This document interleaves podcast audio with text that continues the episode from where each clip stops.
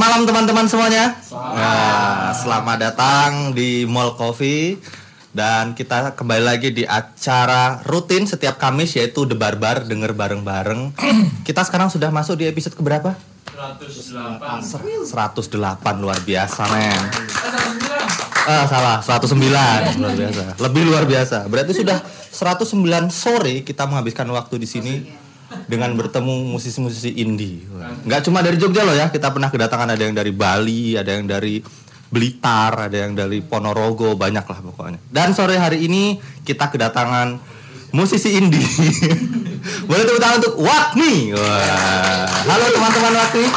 Halo, halo, halo, halo. Halo. Oke, boleh dong perkenalkan dulu karena ini juga nanti selain teman-teman yang datang di sini, acara The Barber ini juga disiarkan wah, secara digital di Spotify setiap hari Senin jam 3 sore. Oh, gitu. Silakan diperkenalkan dulu. Ya oke, kita pernah dari drummernya dulu. Nama saya Jinan Ya begitu Ya saya Oke, posisinya di Wakmi sebagai apa?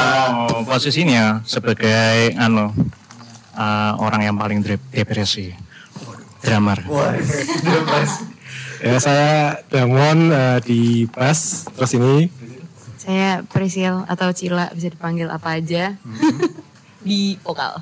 terus masih ada personil lain eh, Winan di keyboard terus gitaris kami namanya Areng. Areng. Ya Wow. Kenapa namanya Areng? Eh, ya sementara gitarisnya namanya memang Areng. Oke, oke, oke. Nah, ke mana mereka berdua ini?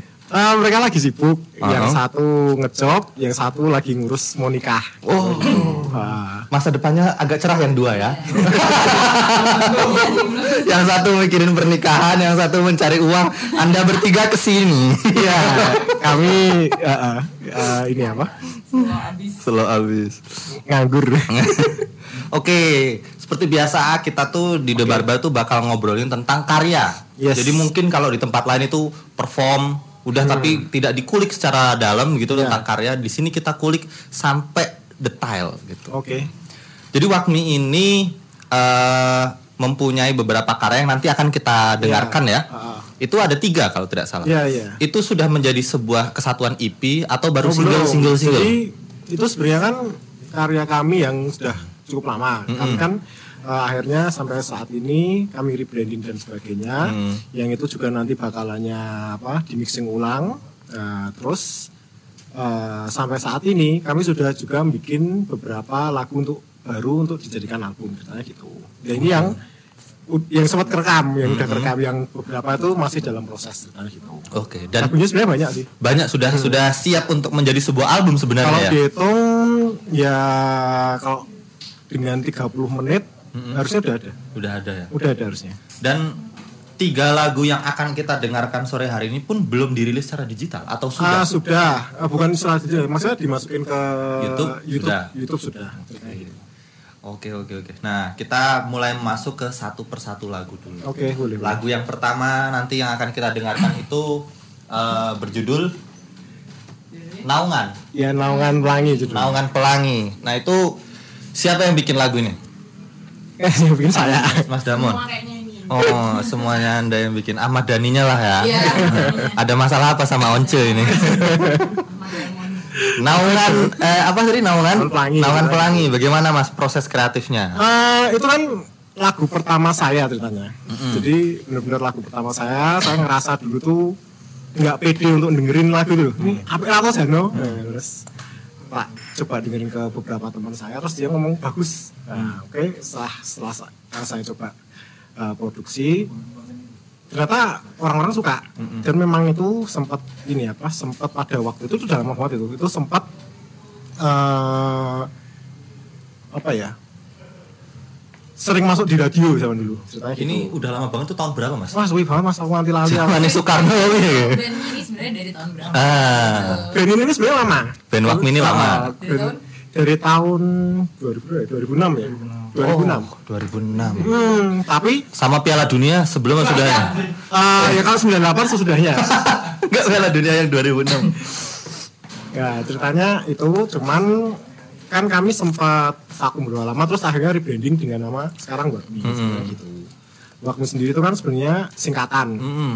singkatan we're all gonna make it. Jadi itu doa untuk semua supaya kita eh, kita semua itu bisa berhasil ceritanya gitu. Sebelumnya Wami. Bukan, sebelumnya Waza namanya. Waza. Waza gitu. Waza bro. Iya, Waza. itu Namanya ya. kurang berkah bagaimana itu? Bukan karena ini apa? Karena bukan kurang berkah ya, karena Wakmi itu lebih populer. Oke. Ya, lebih populer, lebih bermakna. Waza itu gak ada artinya. sih. Waza nggak ada artinya. Asal asal ngawur aja. Oh, Oke, Ceritanya kayak gitu. kedengaran enak. Iya kedengaran enak, cuman enak didengerin tapi nggak tahu artinya gitu. Oke, nah ini berarti proses rebrandingnya tuh dimulai kapan?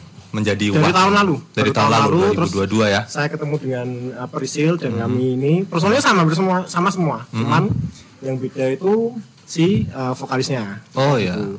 Kenapa? Karena vokalisnya sekarang uh, sudah sibuk menjadi full arsitek. Wih, Nah, tapi bisa loh Mas arsitek sambil nyanyi bisa sebenarnya kalau ada kemauan sih. Iya, tak wangel tapi Mas. Ini soalnya dia ini di kantor studio arsitek yang cukup terkenal dan dia ngurus dua cabang gitu. Oh, Nah, gitu. Oke, oke berarti memang ya masa depannya lebih bagus di sana kayaknya. Iya. Oke, kita jangan uh, ngobrol lebih jauh lagi. Kita dengerin dulu Oke. lagu Naungan Pelangi ini. Yes. Nanti kita minta pendapat teman-teman juga. Iya, iya. Oke ya, kita dengerin dulu Naungan Pelangi by Wakmi.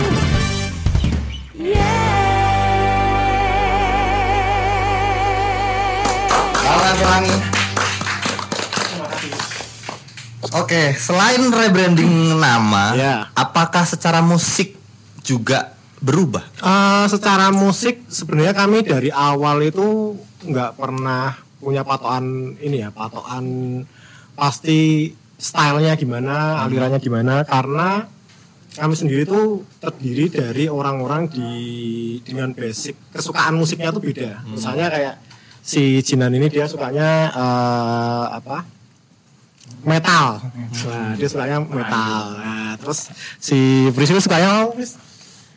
Aku nggak tahu semuanya suka lah. Ya, kalau saya saya sebenarnya sukanya keroncong sama dangdut ya. Sih?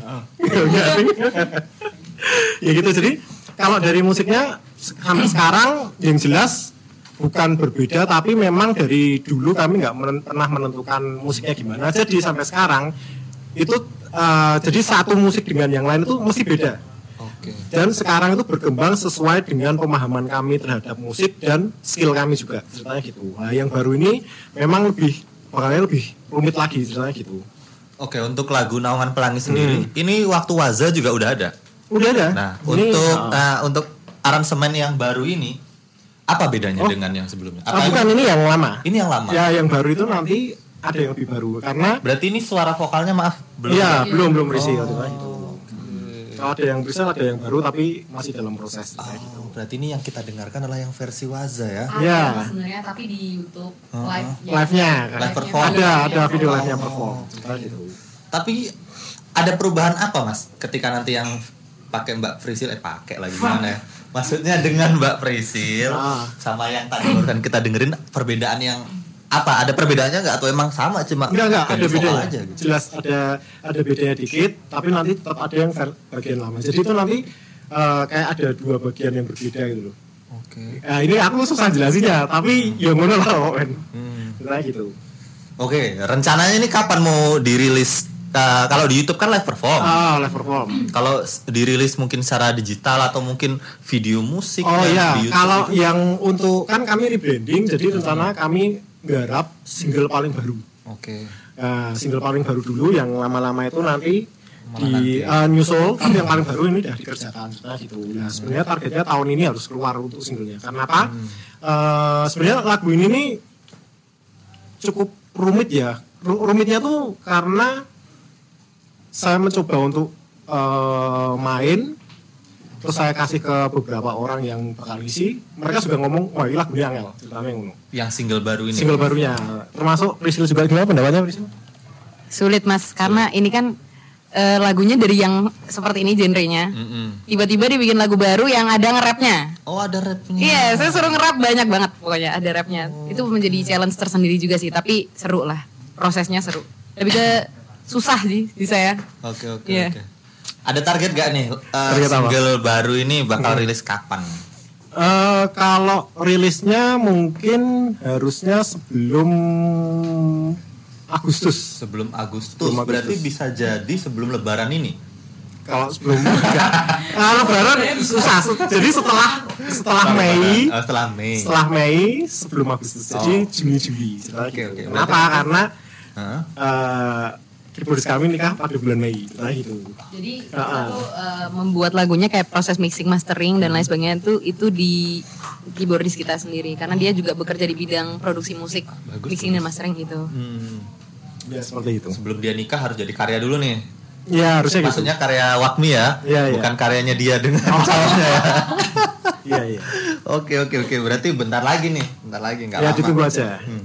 Berarti setelah single baru muncul, set kemungkinan nanti di album penuhnya baru ada lagi. ada ini tapi kami sudah ada di single yang baru dan ada lagu baru lagi setelah itu Oke.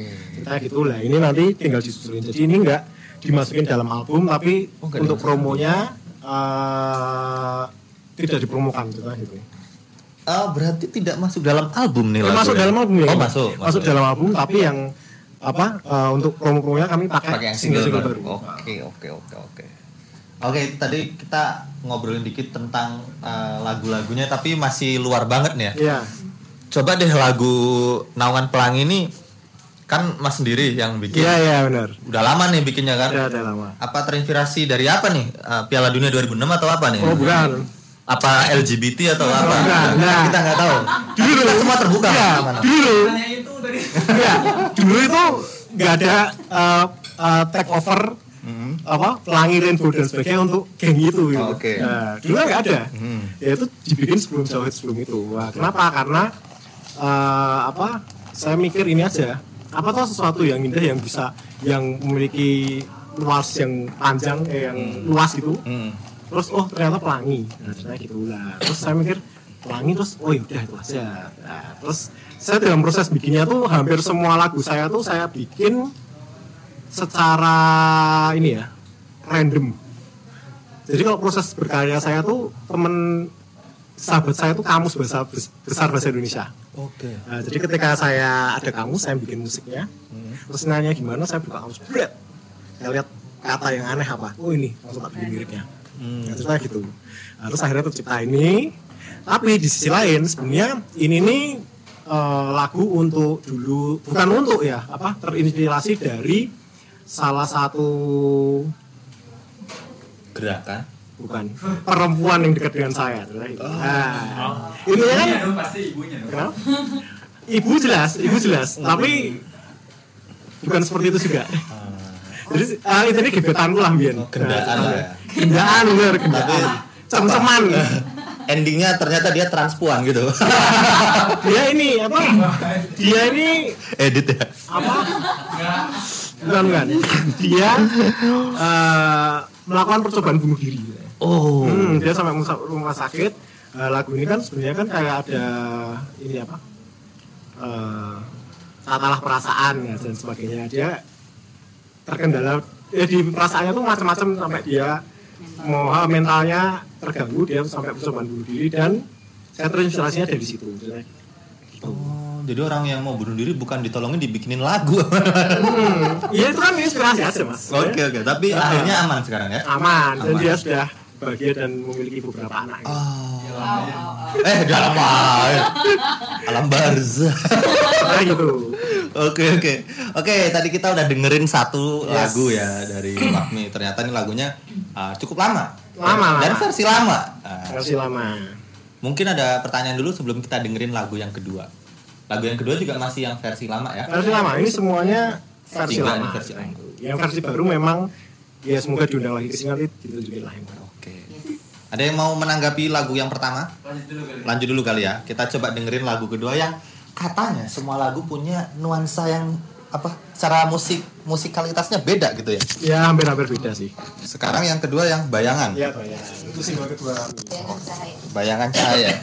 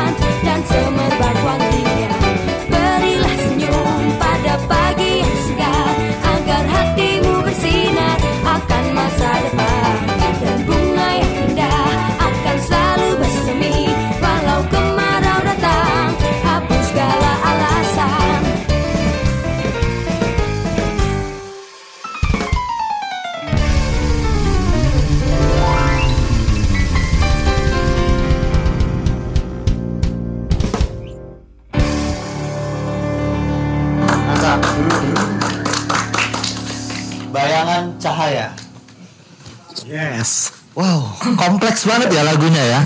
Itu masih ada yang lebih kompleks. Masih lagi kompleks. Ya. Berapa rumah itu? Ah, Aduh, 12. Ya Allah, ya Allah. Kaget loh saya dari begini jadi pelan dulu, lanjut Ya. lagi. Wah, wah, wah. Mas Damon juga yang bikin. Iya. Oke. Gimana Mas proses pembuatan lagu ini? Ah. Ini juga udah cukup lama ya lagunya ya? Sama. Kalau ini dulu saya kebetulan ada nada awalnya tuh nada intronya itu. Hmm. Gak tahu tuh. Terus saya langsung ke piano, saya mainin. Ya udah, habis itu terus dibikin. Oke, gimana sih? Lah di sini kan sebenarnya eh chordnya itu kalau nggak salah cuma dua apa tiga. Jadi tapi gimana caranya main dua atau tiga chord itu jadi aransemennya berbeda sebanyak itu gitu jadi nggak banyak juga sih tapi dengan tema yang saya dari uh, cepat gitu terus jadi Latin terus nanti jadi ada swing terus kembali ke situ lagi ya ceritanya gitu. Jadi saya di sini menggunakan chord yang tidak banyak ceritanya gitu. Tiga chord. ya kurang lebih kayaknya tiga kecuali yang di bagian yang swingnya tadi. Swingnya tuh lebih banyak sih ceritanya hmm. cuman dia di verse dan ref itu tuh chordnya sama tapi cara mainnya beda. Ceritanya gitu. Saya mencoba menggunakan seperti itu. Cara mikirnya kayak gitu. Oke oke oke. Eh, bentar ya kita break dulu. Iya. Kita dengerin Azan kumandang azan yang cukup merdu ini. yes Kita lanjut lagi teman-teman. ya Kita udah mendengarkan tadi bayangan cahaya. Yes. Ternyata setidaknya ada tiga tema lah ya. Eh, tadi ada tema Latin, swing, sama yang pertama tuh apa menurut Mas itu Yang temanya? itu yang kebaca ngebeat pop itu. aja lah. Pop beat tau ya ngebeat banget tadi Mas ya. apa ya apa nan Drumnya Dulu pernah ada seorang fans, Mm-mm. Dia menciptakan satu istilah yang anu belum pernah kami dengar, Oh, apa samba retrolis. Samba retrolis. Bingung kan? Apaan? Tapi bisa sambanya bisa yang part keduanya juga loh. latinnya sih Latinnya bosa. Eh, Bukan bosa ya. kalau menurut saya pribadi sih memang tetap jalurnya secara garis besar itu pop Pop. Pop terus kemudian eh, terus kemudian kedua pas main ini eh, apa refnya terutama itu. Saya memang pernah ngobrol sama teman memang agak sedikit beda pendapat yang mengenai apa swing tapi lebih cepat lebih cepat mukulnya. Mm-mm. nah kalau swing swing zaman dulu kan eh, dalam keterbatasan apa pengetahuan saya swing itu eh, awalnya lambat untuk orkes- orkestrasi apa big band gitu loh. Nah itu aja sih kalau kalau menurut saya kalau menjawab pertanyaan itu alirannya apa. Samba retrolis. Mm-mm. Oke. Kira-kira gimana? Dari mana dia mendapatkan itu? Bisa tuh mas dipopulerkan mas. iya. Maksudnya kayak misalkan setiap uh, uh, Wakmi manggung terus mempopulerkan nama istilah itu kan Iya, iya. Ya, bisa benar. jadi populer dan dipakai sama Iya. media. Iya kan? Oke kita udah dengerin dua loh dua Iya. karya Wakmi nih. Mungkin ada yang mau ngasih impresi atau bertanya atau mencela juga boleh. nggak apa-apa silahkan silahkan Silakan. Ayo, kita punya satu door prize loh. Kaos dari Laos Pantas. Nah, wah tak- aku tak tekan dewi wae Felix mau nanya, ada kaos mas. ada satu. Boleh nanya gak? Eh jangan, tidak boleh. aku ya nek ngono tekan dewi Ayo Mas, mau tanya, mau cuma memberikan tanggapan juga boleh. Mau? Bentar, bentar. oh iya iya. Silakan. Kenalan dulu boleh. Ya. Ini di press ya kalau Enggak usah langsung aja.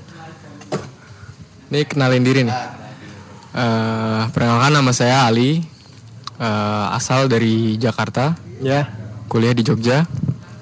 Mungkin aku mau nanggepin lagu pertama sih. Ya. Menurutku itu yang paling aku suka tuh dari bassline sih. Oh iya. Iya. iya. Soalnya kayak bener-bener atraktif banget sih. Oh enggak, aku biasa aja.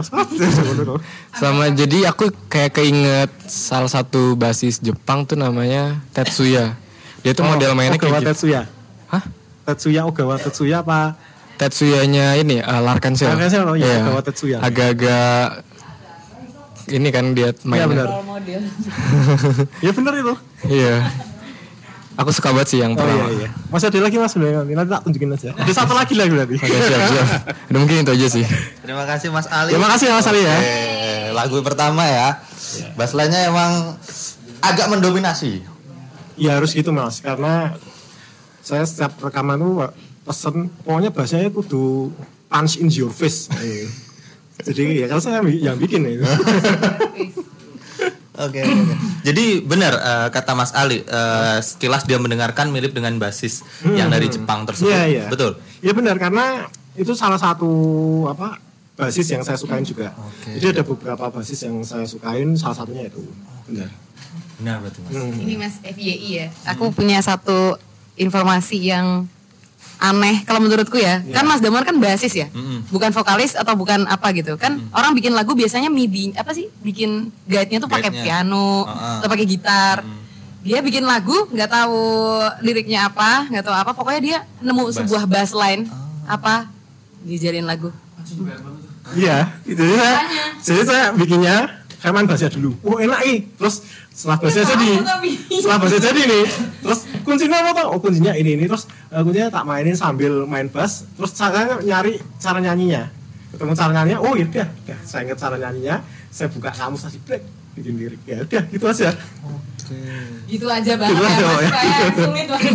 Nah, Iya, iya. ternyata selasa dengan saya teknik seperti itu, yang punya kendala itu di player lain. Kayak pemain piano, pemain gitar, terus mau ini sama vokalnya. Nah, Iya, yang sulit. yang nggak kesulitan tuh drumnya drumnya, pasti saya bisa sama dia. Jadi Iya, yang pemain lain terserah lah. Oke oke. Agak agak aneh ya. Iya, agak Eh, aneh. tidak tidak biasa. Tidak biasa. Oke oke oke.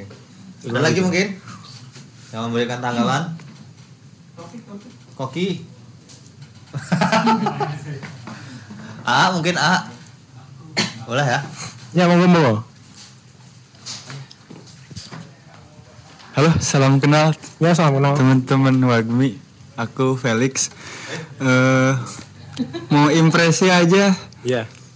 Lagunya bagus, banyak fusionnya kayaknya ya. Ya terima kasih. Tapi ini ya kental ini ya apa namanya ska eh, sama Jamaican soundnya kayaknya kental banget tuh. Oh gitu ya. Unsur itunya kalau didengar-dengar. Terus apalagi ya? Eh, aku tuh nggak nyangka dari lagu satu ke lagu dua sejomplang itu gitu. Ya sebelah itu. Terus tetap pas lagu kedua, ih mirip interrupters ya kayak gitu, kayak kayak ke sana gitu nuansa musiknya. Terus, nah eh, proses nanya deh nggak apa-apa. Proses shifting dari vokalis lama ke vokalis baru itu gimana tuh ceritanya? Eh, gitu sih, gitu aja. Gini mas, eh, apa? Akhir setelah rebranding juga eh, menjadi Wakmi, sebenarnya dalam perjalanan itu kan kami mengobservasi setiap bermain gini ya. Setiap kami live performance, kadang itu ada player yang tidak bisa ada.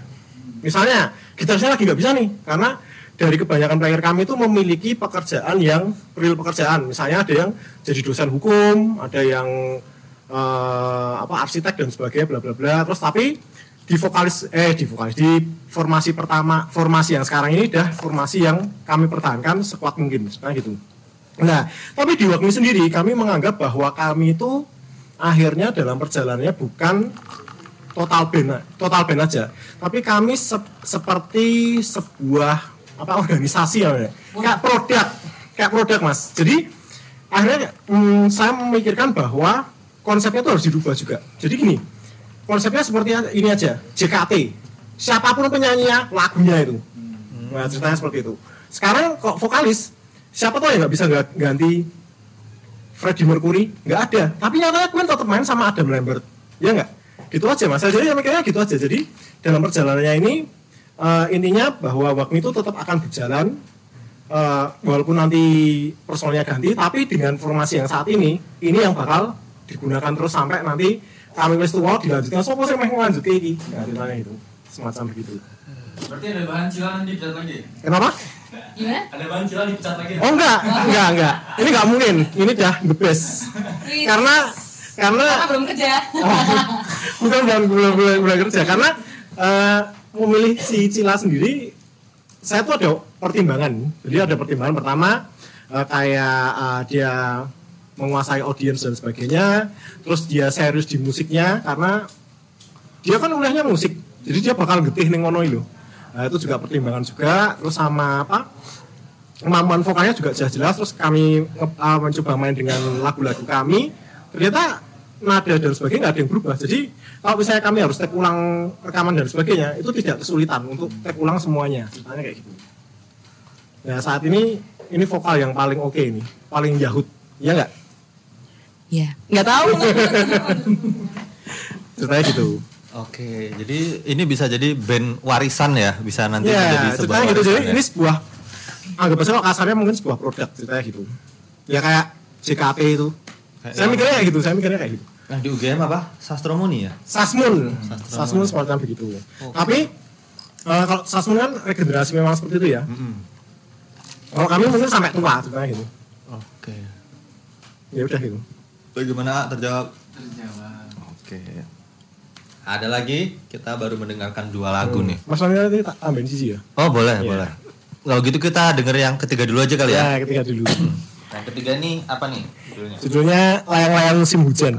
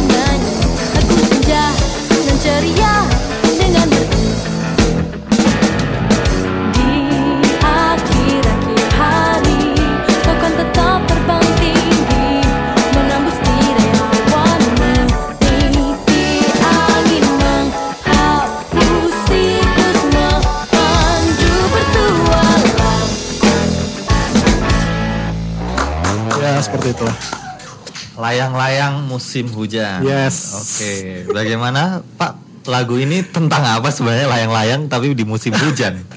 itu juga ini ya jadi ceritakan nih Jadi yang bikin yang bikin ya, saya juga yang bikin Oke. tapi uh, kita baru ber- uh, kami baru ngobrol berdua sama saya dan Jinan nah biar Jinan aja yang cerita. Oke. Jadi waktu itu kan siang hari. Siang hari. Siang hari ya bisa dikatakan ya sangat panas terus lapangan mancasan kan. Kami duduk-duduk di situ. Berdi, apa duduk-duduk di situ terus eh, ngobrol ya. Ngobrol nggak tentu arah sampai akhirnya kami ngelamun. Nah, ya lihat anak-anak main layang-layang di lapangan gitu kan main layang-layangan tuh kayaknya susah ya kamu udah pernah belum Jin belum gitu. Aku udah pernah gitu. Terus eh, ya memang ini agak susah ya harus nunggu angin gitu. Nah terus kemudian melamun sebentar sampai akhirnya saya ngomong tercetus gimana kalau main layang-layang itu pas musim hujan ini masuk akal nggak sih? Gitu. Asal aja ngomong asal-asal eh, apa berceloteh aja gitu kan. Nah eh, pada dasarnya eh, lagu itu kenapa diberi layang-layang musim hujan seperti yang saya katakan katakan tadi ya? Los gitu los asal aja nyeloteh gitu. Eh, biar bagaimanapun sebagaimana yang namanya video klip dari band-band tertentu itu eh, tidak ses- eh, tidak sesuai dengan tema lagunya. Kan ada kayak gitu kan? Nah terus eh, judul lagu juga begitu. Belum tentu eh, menggambarkan keseluruhan yang gitu. Nah tapi secara subjektif ya yang paling mengerti isinya itu kan Mas Damon sebetulnya gitu. Nah, gitu. Gimana? Eh, liriknya tuh sebenarnya gini apa eh, liriknya di sini tuh sebenarnya tuh sederhana cuman eh, tentang gimana tuh kita standar mas kayak ini pencapaian cita-cita gitu loh. Jadi wes momen nih iso ora tau melakukan sesuatu yang ora mungkin wes kayak ngono wae. Ya, terus tapi di sini saya banyak mem- memasukkan kata dalam kamus bahasa Indonesia yang jarang orang gunakan. Misalnya kayak melantah, melantah. langkisau, terus gegana.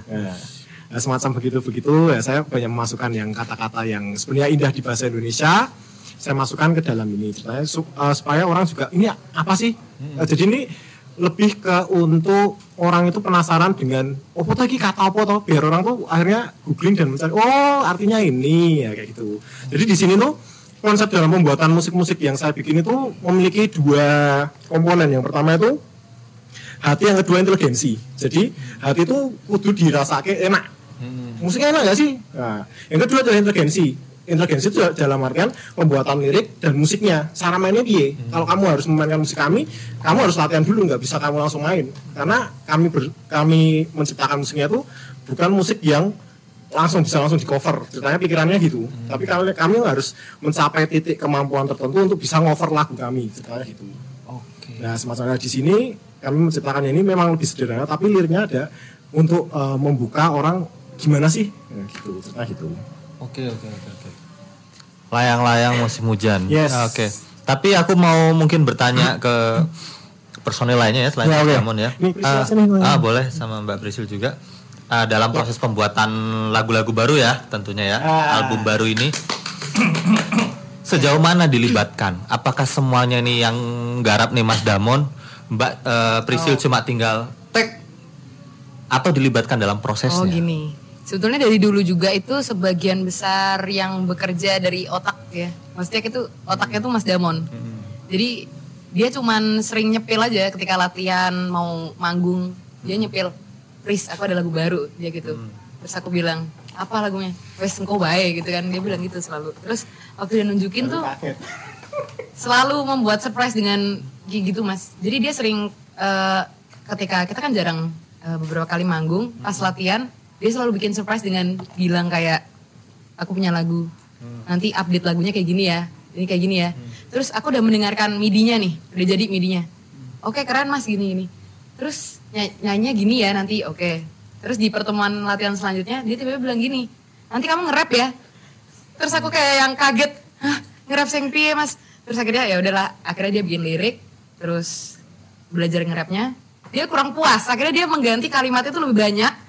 Dan itu lebih padat lagi Bisa asik sumpah. Jadi kayak Tuh, apa? tuh, tuh, rap god itu udah ada. Oke. makanya emang eh, kata-kata Mas Damon bahwa dia mau bikin sesuatu hal yang kayaknya impossible dibikin orang jadi possible tuh kayaknya iya tapi menghalalkan segala cara gak tahu sulit Ya jadi dalam personil kami itu dituntut untuk mengembangkan kemampuan personilnya, ya per, eh, pribadinya terus. Jadi misalnya nggak pernah kayak gini Nah, kamu coba harus ini bisa dilatih untuk oh sampai mana sih eh, batasnya tuh sampai mana ceritanya gitu. Ya ternyata bisa bisa aja. Ya udah. Lebih ke eksploitasi lah. Iya, iya, eksploitasi bener. Eksploitasi setiap personil tuh. Ya kayak dia juga terus, "Wah, aku bisa. Tapi maksud maksudku tadi kayak eh, dilibatkan dalam prosesnya tuh eh, apakah diajak rembuk juga terus menyumbang sebuah ide gagasan dan akhirnya dirubah sesuai idenya Prisil atau Mas yang ngedram juga. Ketukannya diminta Mas Damon gini tapi Iya. menurut Mas eh, kayaknya apa ini? Akhirnya pakai punya Mas. Atau emang semuanya dari Mas Damon? gini saya merasa Mas Damon tuh orangnya emang perfeksionis dan idealis sih orangnya. Jadi kayak eh dia bebas. Misalnya kayak aku nggak sanggup nih ngerap kayak gitu aku nggak sanggup. Jadi aku kasih saran ke Mas Damon Mas Damon kayaknya kita pakai rencana awal aja deh Mas kayaknya aku nggak sanggup karena ini terlalu sulit kan terus dia bilang masa nggak bisa sih coba dilatih dulu digituin terus sesuai dengan kemauan dia sampai bener-bener nggak bisa akhirnya kayak ya udahlah gitu. Oke. jadi semuanya sebenarnya Tapi Mas Damon. eh, dan yang untuk di lagu baru ini kan memang ternyata Prisil tuh masukin nada-nada baru di lagunya. Jadi saya ambil itu yang kayak kamu cara ngerubah untuk yang sesuai gitarnya itu loh. Oh, ini improvisasinya. Nah, improvisasi. Dan Improvisasi. sebagainya. Jadi memang kadang di jadi konsep dari misalnya saya bikin lagu tuh kebanyakan aku punya lagunya gini nih coba kamu mainnya gimana? Kamu mainnya gimana? Kamu mainnya gimana? Nah, terus nanti oh ternyata match wah ternyata ada yang kurang anu lah di benernya di situ. Caranya kayak gitu. Terutama sama saya sama Jinan kamu mainnya gimana? Aku mainnya gini kamu ngikutinnya gimana? Nah terus itu digabungin lah. Justru itu yang membuat unik dari musik kami itu karena kebanyakan eh, setiap personil itu dikasih eh, kesempatan untuk masukin ke situ. Heeh, jadi gayanya kan beda-beda. Lah justru yang menariknya itu di situ sebenarnya. Jadi eh, ngeblendin dalam satu lagunya dengan apa eh, pribadinya masing-masing ceritanya kayak gitu. Halo, perkenalkan dulu Ya. saya Desta Tanpa Vincent, Ya, itu sama bilang. Oke. eh, anak buahnya dia. Ya. Oke, pertama sih selamat. Aku punya banyak temen di isi. Ada Pak Royke, Oh, Royke ada eh, Om Rain, Hmm. Rain Rosidi, ada Mas Dipo, ada Gita dan lain-lain. Kami selalu senang ketika ada teman-teman isi, terutama di jurusan musik itu bikin karya sendiri. Senang banget karena apa ya mitosnya di sana karena keseringan main main musik orang gitu, main komposisi orang, Ya. lupa bikin lagu sendiri gitu. Oh iya benar. itu mungkin ya. Terus yang kedua eh ini apa ya campuran ekletik ya. Dia membawa dia musiknya membawa kepercayaan musikal dari banyak banyak genre gitu. Itu seperti tadi di liriknya misalkan bagaimana lirik-lirik yang seperti itu tuh populer di Jepang ketika eh, banyak band atau eh, istilahnya boy band dan idol yang lainnya kayak JKT48 lah gitu. Yes. seperti bahasa Jepang ditranslate ke bahasa Indonesia kayak gitu eh lugas dan segala macem musiknya kalau boleh sedikit kritik nggak tepat guna kalau menurutku. Iya, kalau iya. menurutku ya. Iya, iya. kalau menurutku kalau bermain di area pop mungkin banyak referensi yang sangat populer dengan genre seperti itu. Dia mengambil perasaan-perasaan Sinaringo terus Tokyo Jihen atau yang lebih jauh lagi di tahun 70-an tuh ada Mahavishnu Orchestra misalkan. Itu tapi disimplifikasikan disederhanakan gitu. Oh ketika bagian lirik ini misalkan dia ingin mengedepankan sesuatu suatu kisah ngapain diganggu dengan biola gitu? Ngapain diganggu dengan pads yang lain gitu? Oh, ngapain iya. diganggu dengan Oke, oke. dentuman drum yang triplet dan segala macam? Ngapain gitu? Pasti ada makna dan lain-lain. Kalau orang Eropa bilang tuh orang-orang Dublin bilang tuh eh, sung a song. Gitu loh. Bagaimana tiap lirik kalian tiap instrumen kalian tuh dinyanyikan oleh lagu itu sendiri kayak gitulah ininya kalau mungkin kritikku itu aja terus yang kedua yang terakhir tadi itu sempat populer ya eh, campuran-campuran kayak gitu di tahun 2000-an yang mungkin yang pernah masuk label ada band namanya The Tomato Enggak apa? The Tomato, The Tomato. Indonesia. Judul lagunya itu ditolak dan lain-lain itu. Ngambil persis seperti itu, dia ngambil pendekatan jazz dengan patahan-patahannya yang unik, progresif dengan breakdown-breakdownnya yang mengagetkan seperti itu. Dan eh, tentu aja rap sih, rap-rap yang mungkin familiar di era eh, Salt and Pepper gitu-gitu ya yang yang Salt and Pepper itu tahun 90-an gitu cuman ya itu lagi menurutku gimana sih bikin musik yang kayak Bohemian Rhapsody kan tepat guna semua buatku ya, ya, betul betul. Nah itu aja sih gimana bikin musik atau bunyi yang tepat guna sehingga lagu itu tersampaikan aja keinginannya itu terima kasih Ya, Terima kasih Mas Desta. ya, ya.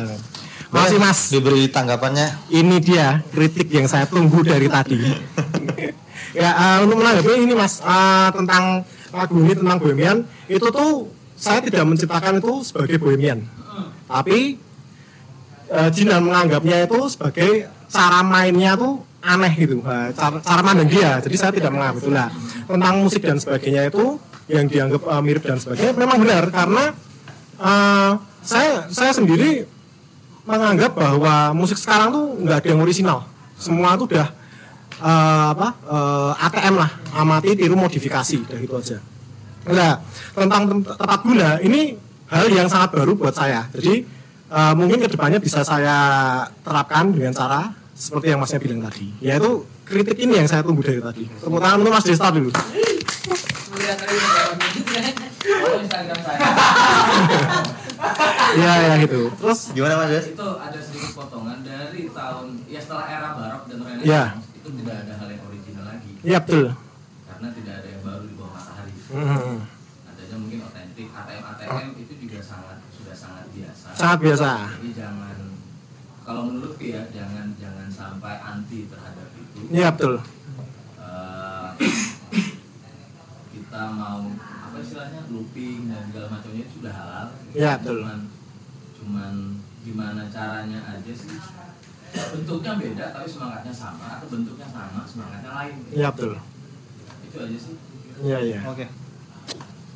Oke, itu tadi masukan dari kritik dan masukan dari Mas Desta. Iya, betul. Ada lagi yang mau menambahkan mungkin?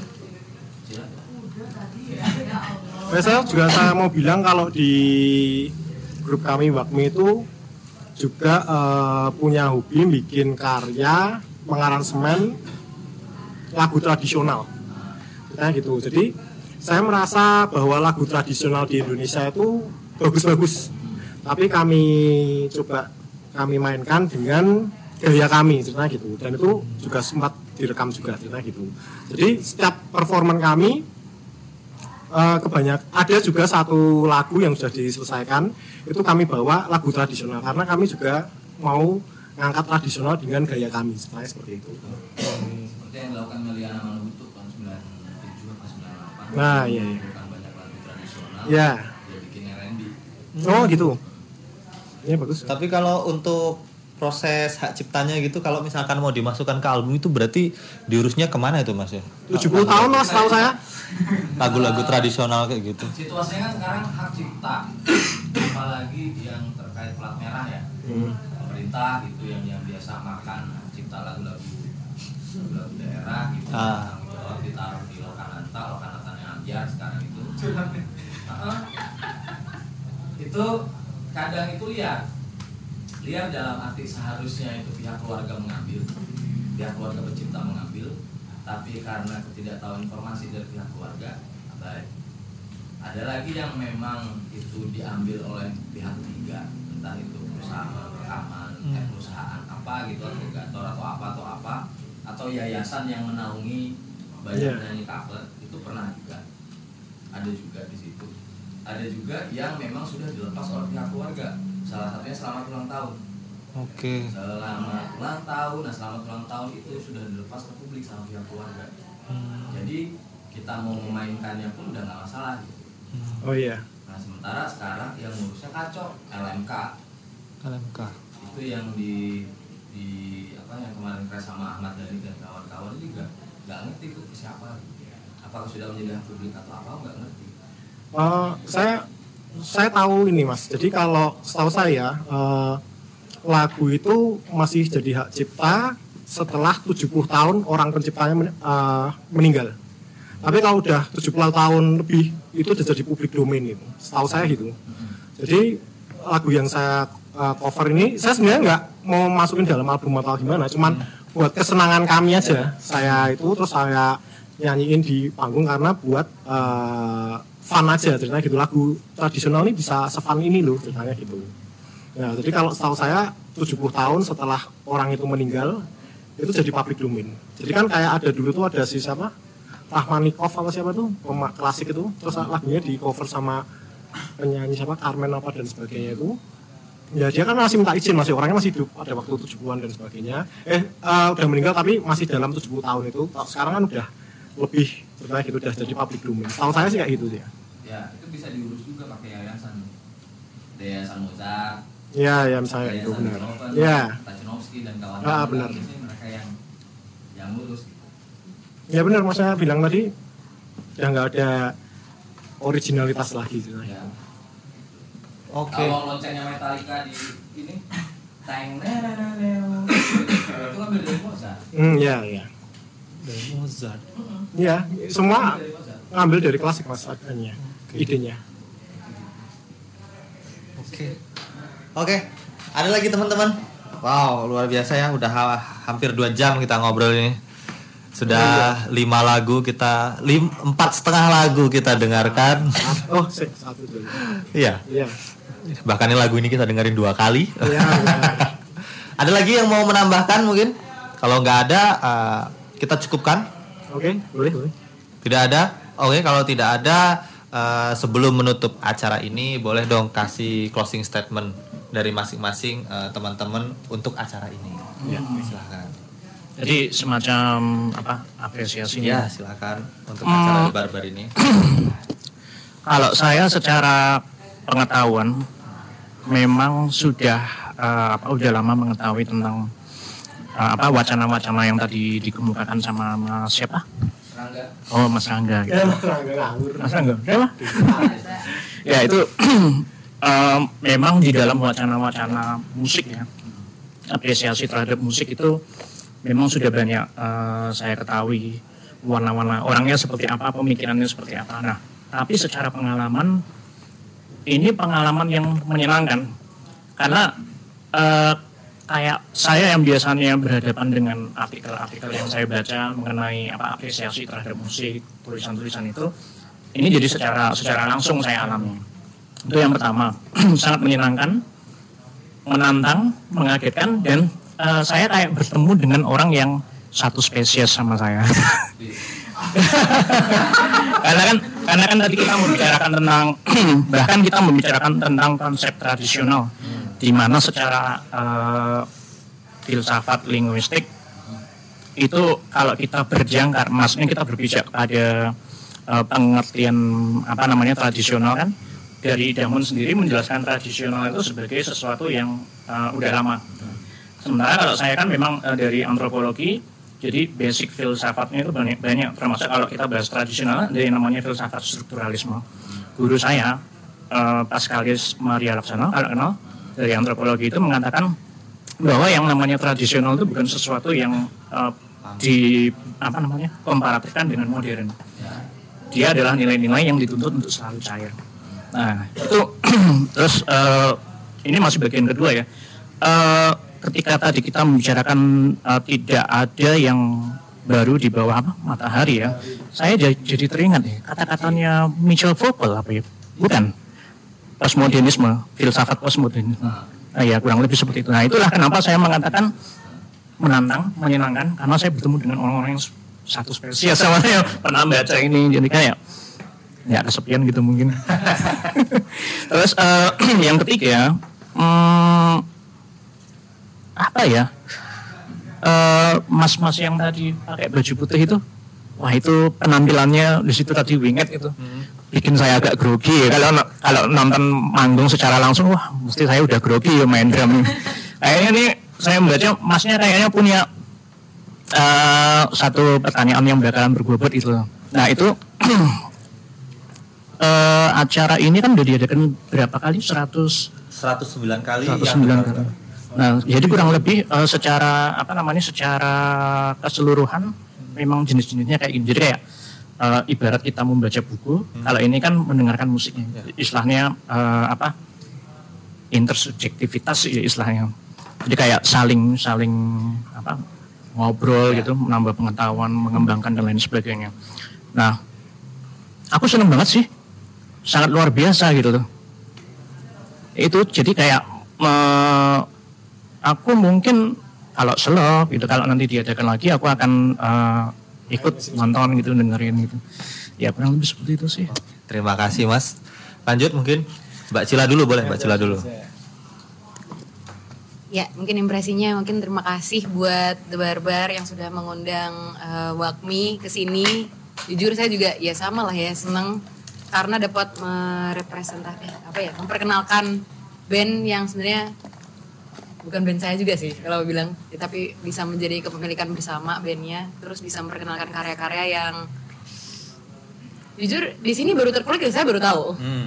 ini ininya yang tadi Oh, yang lagu-lagu yang ya. tadi iya jadi gak pernah cerita dan aku juga gak pernah tanya sih jadi kayak ya udah jadi tahu eh, sejarah dan Hmm. apa ya pengetahuan-pengetahuan yang saya belum pernah tahu kayak tadi Mas Desta bilang dan juga tadi yang sudah didiskusikan itu sih kayaknya Oke. semoga ke depannya The Barbar selalu lanjut terus sampai episode 5 juta Amin. Dan ini juga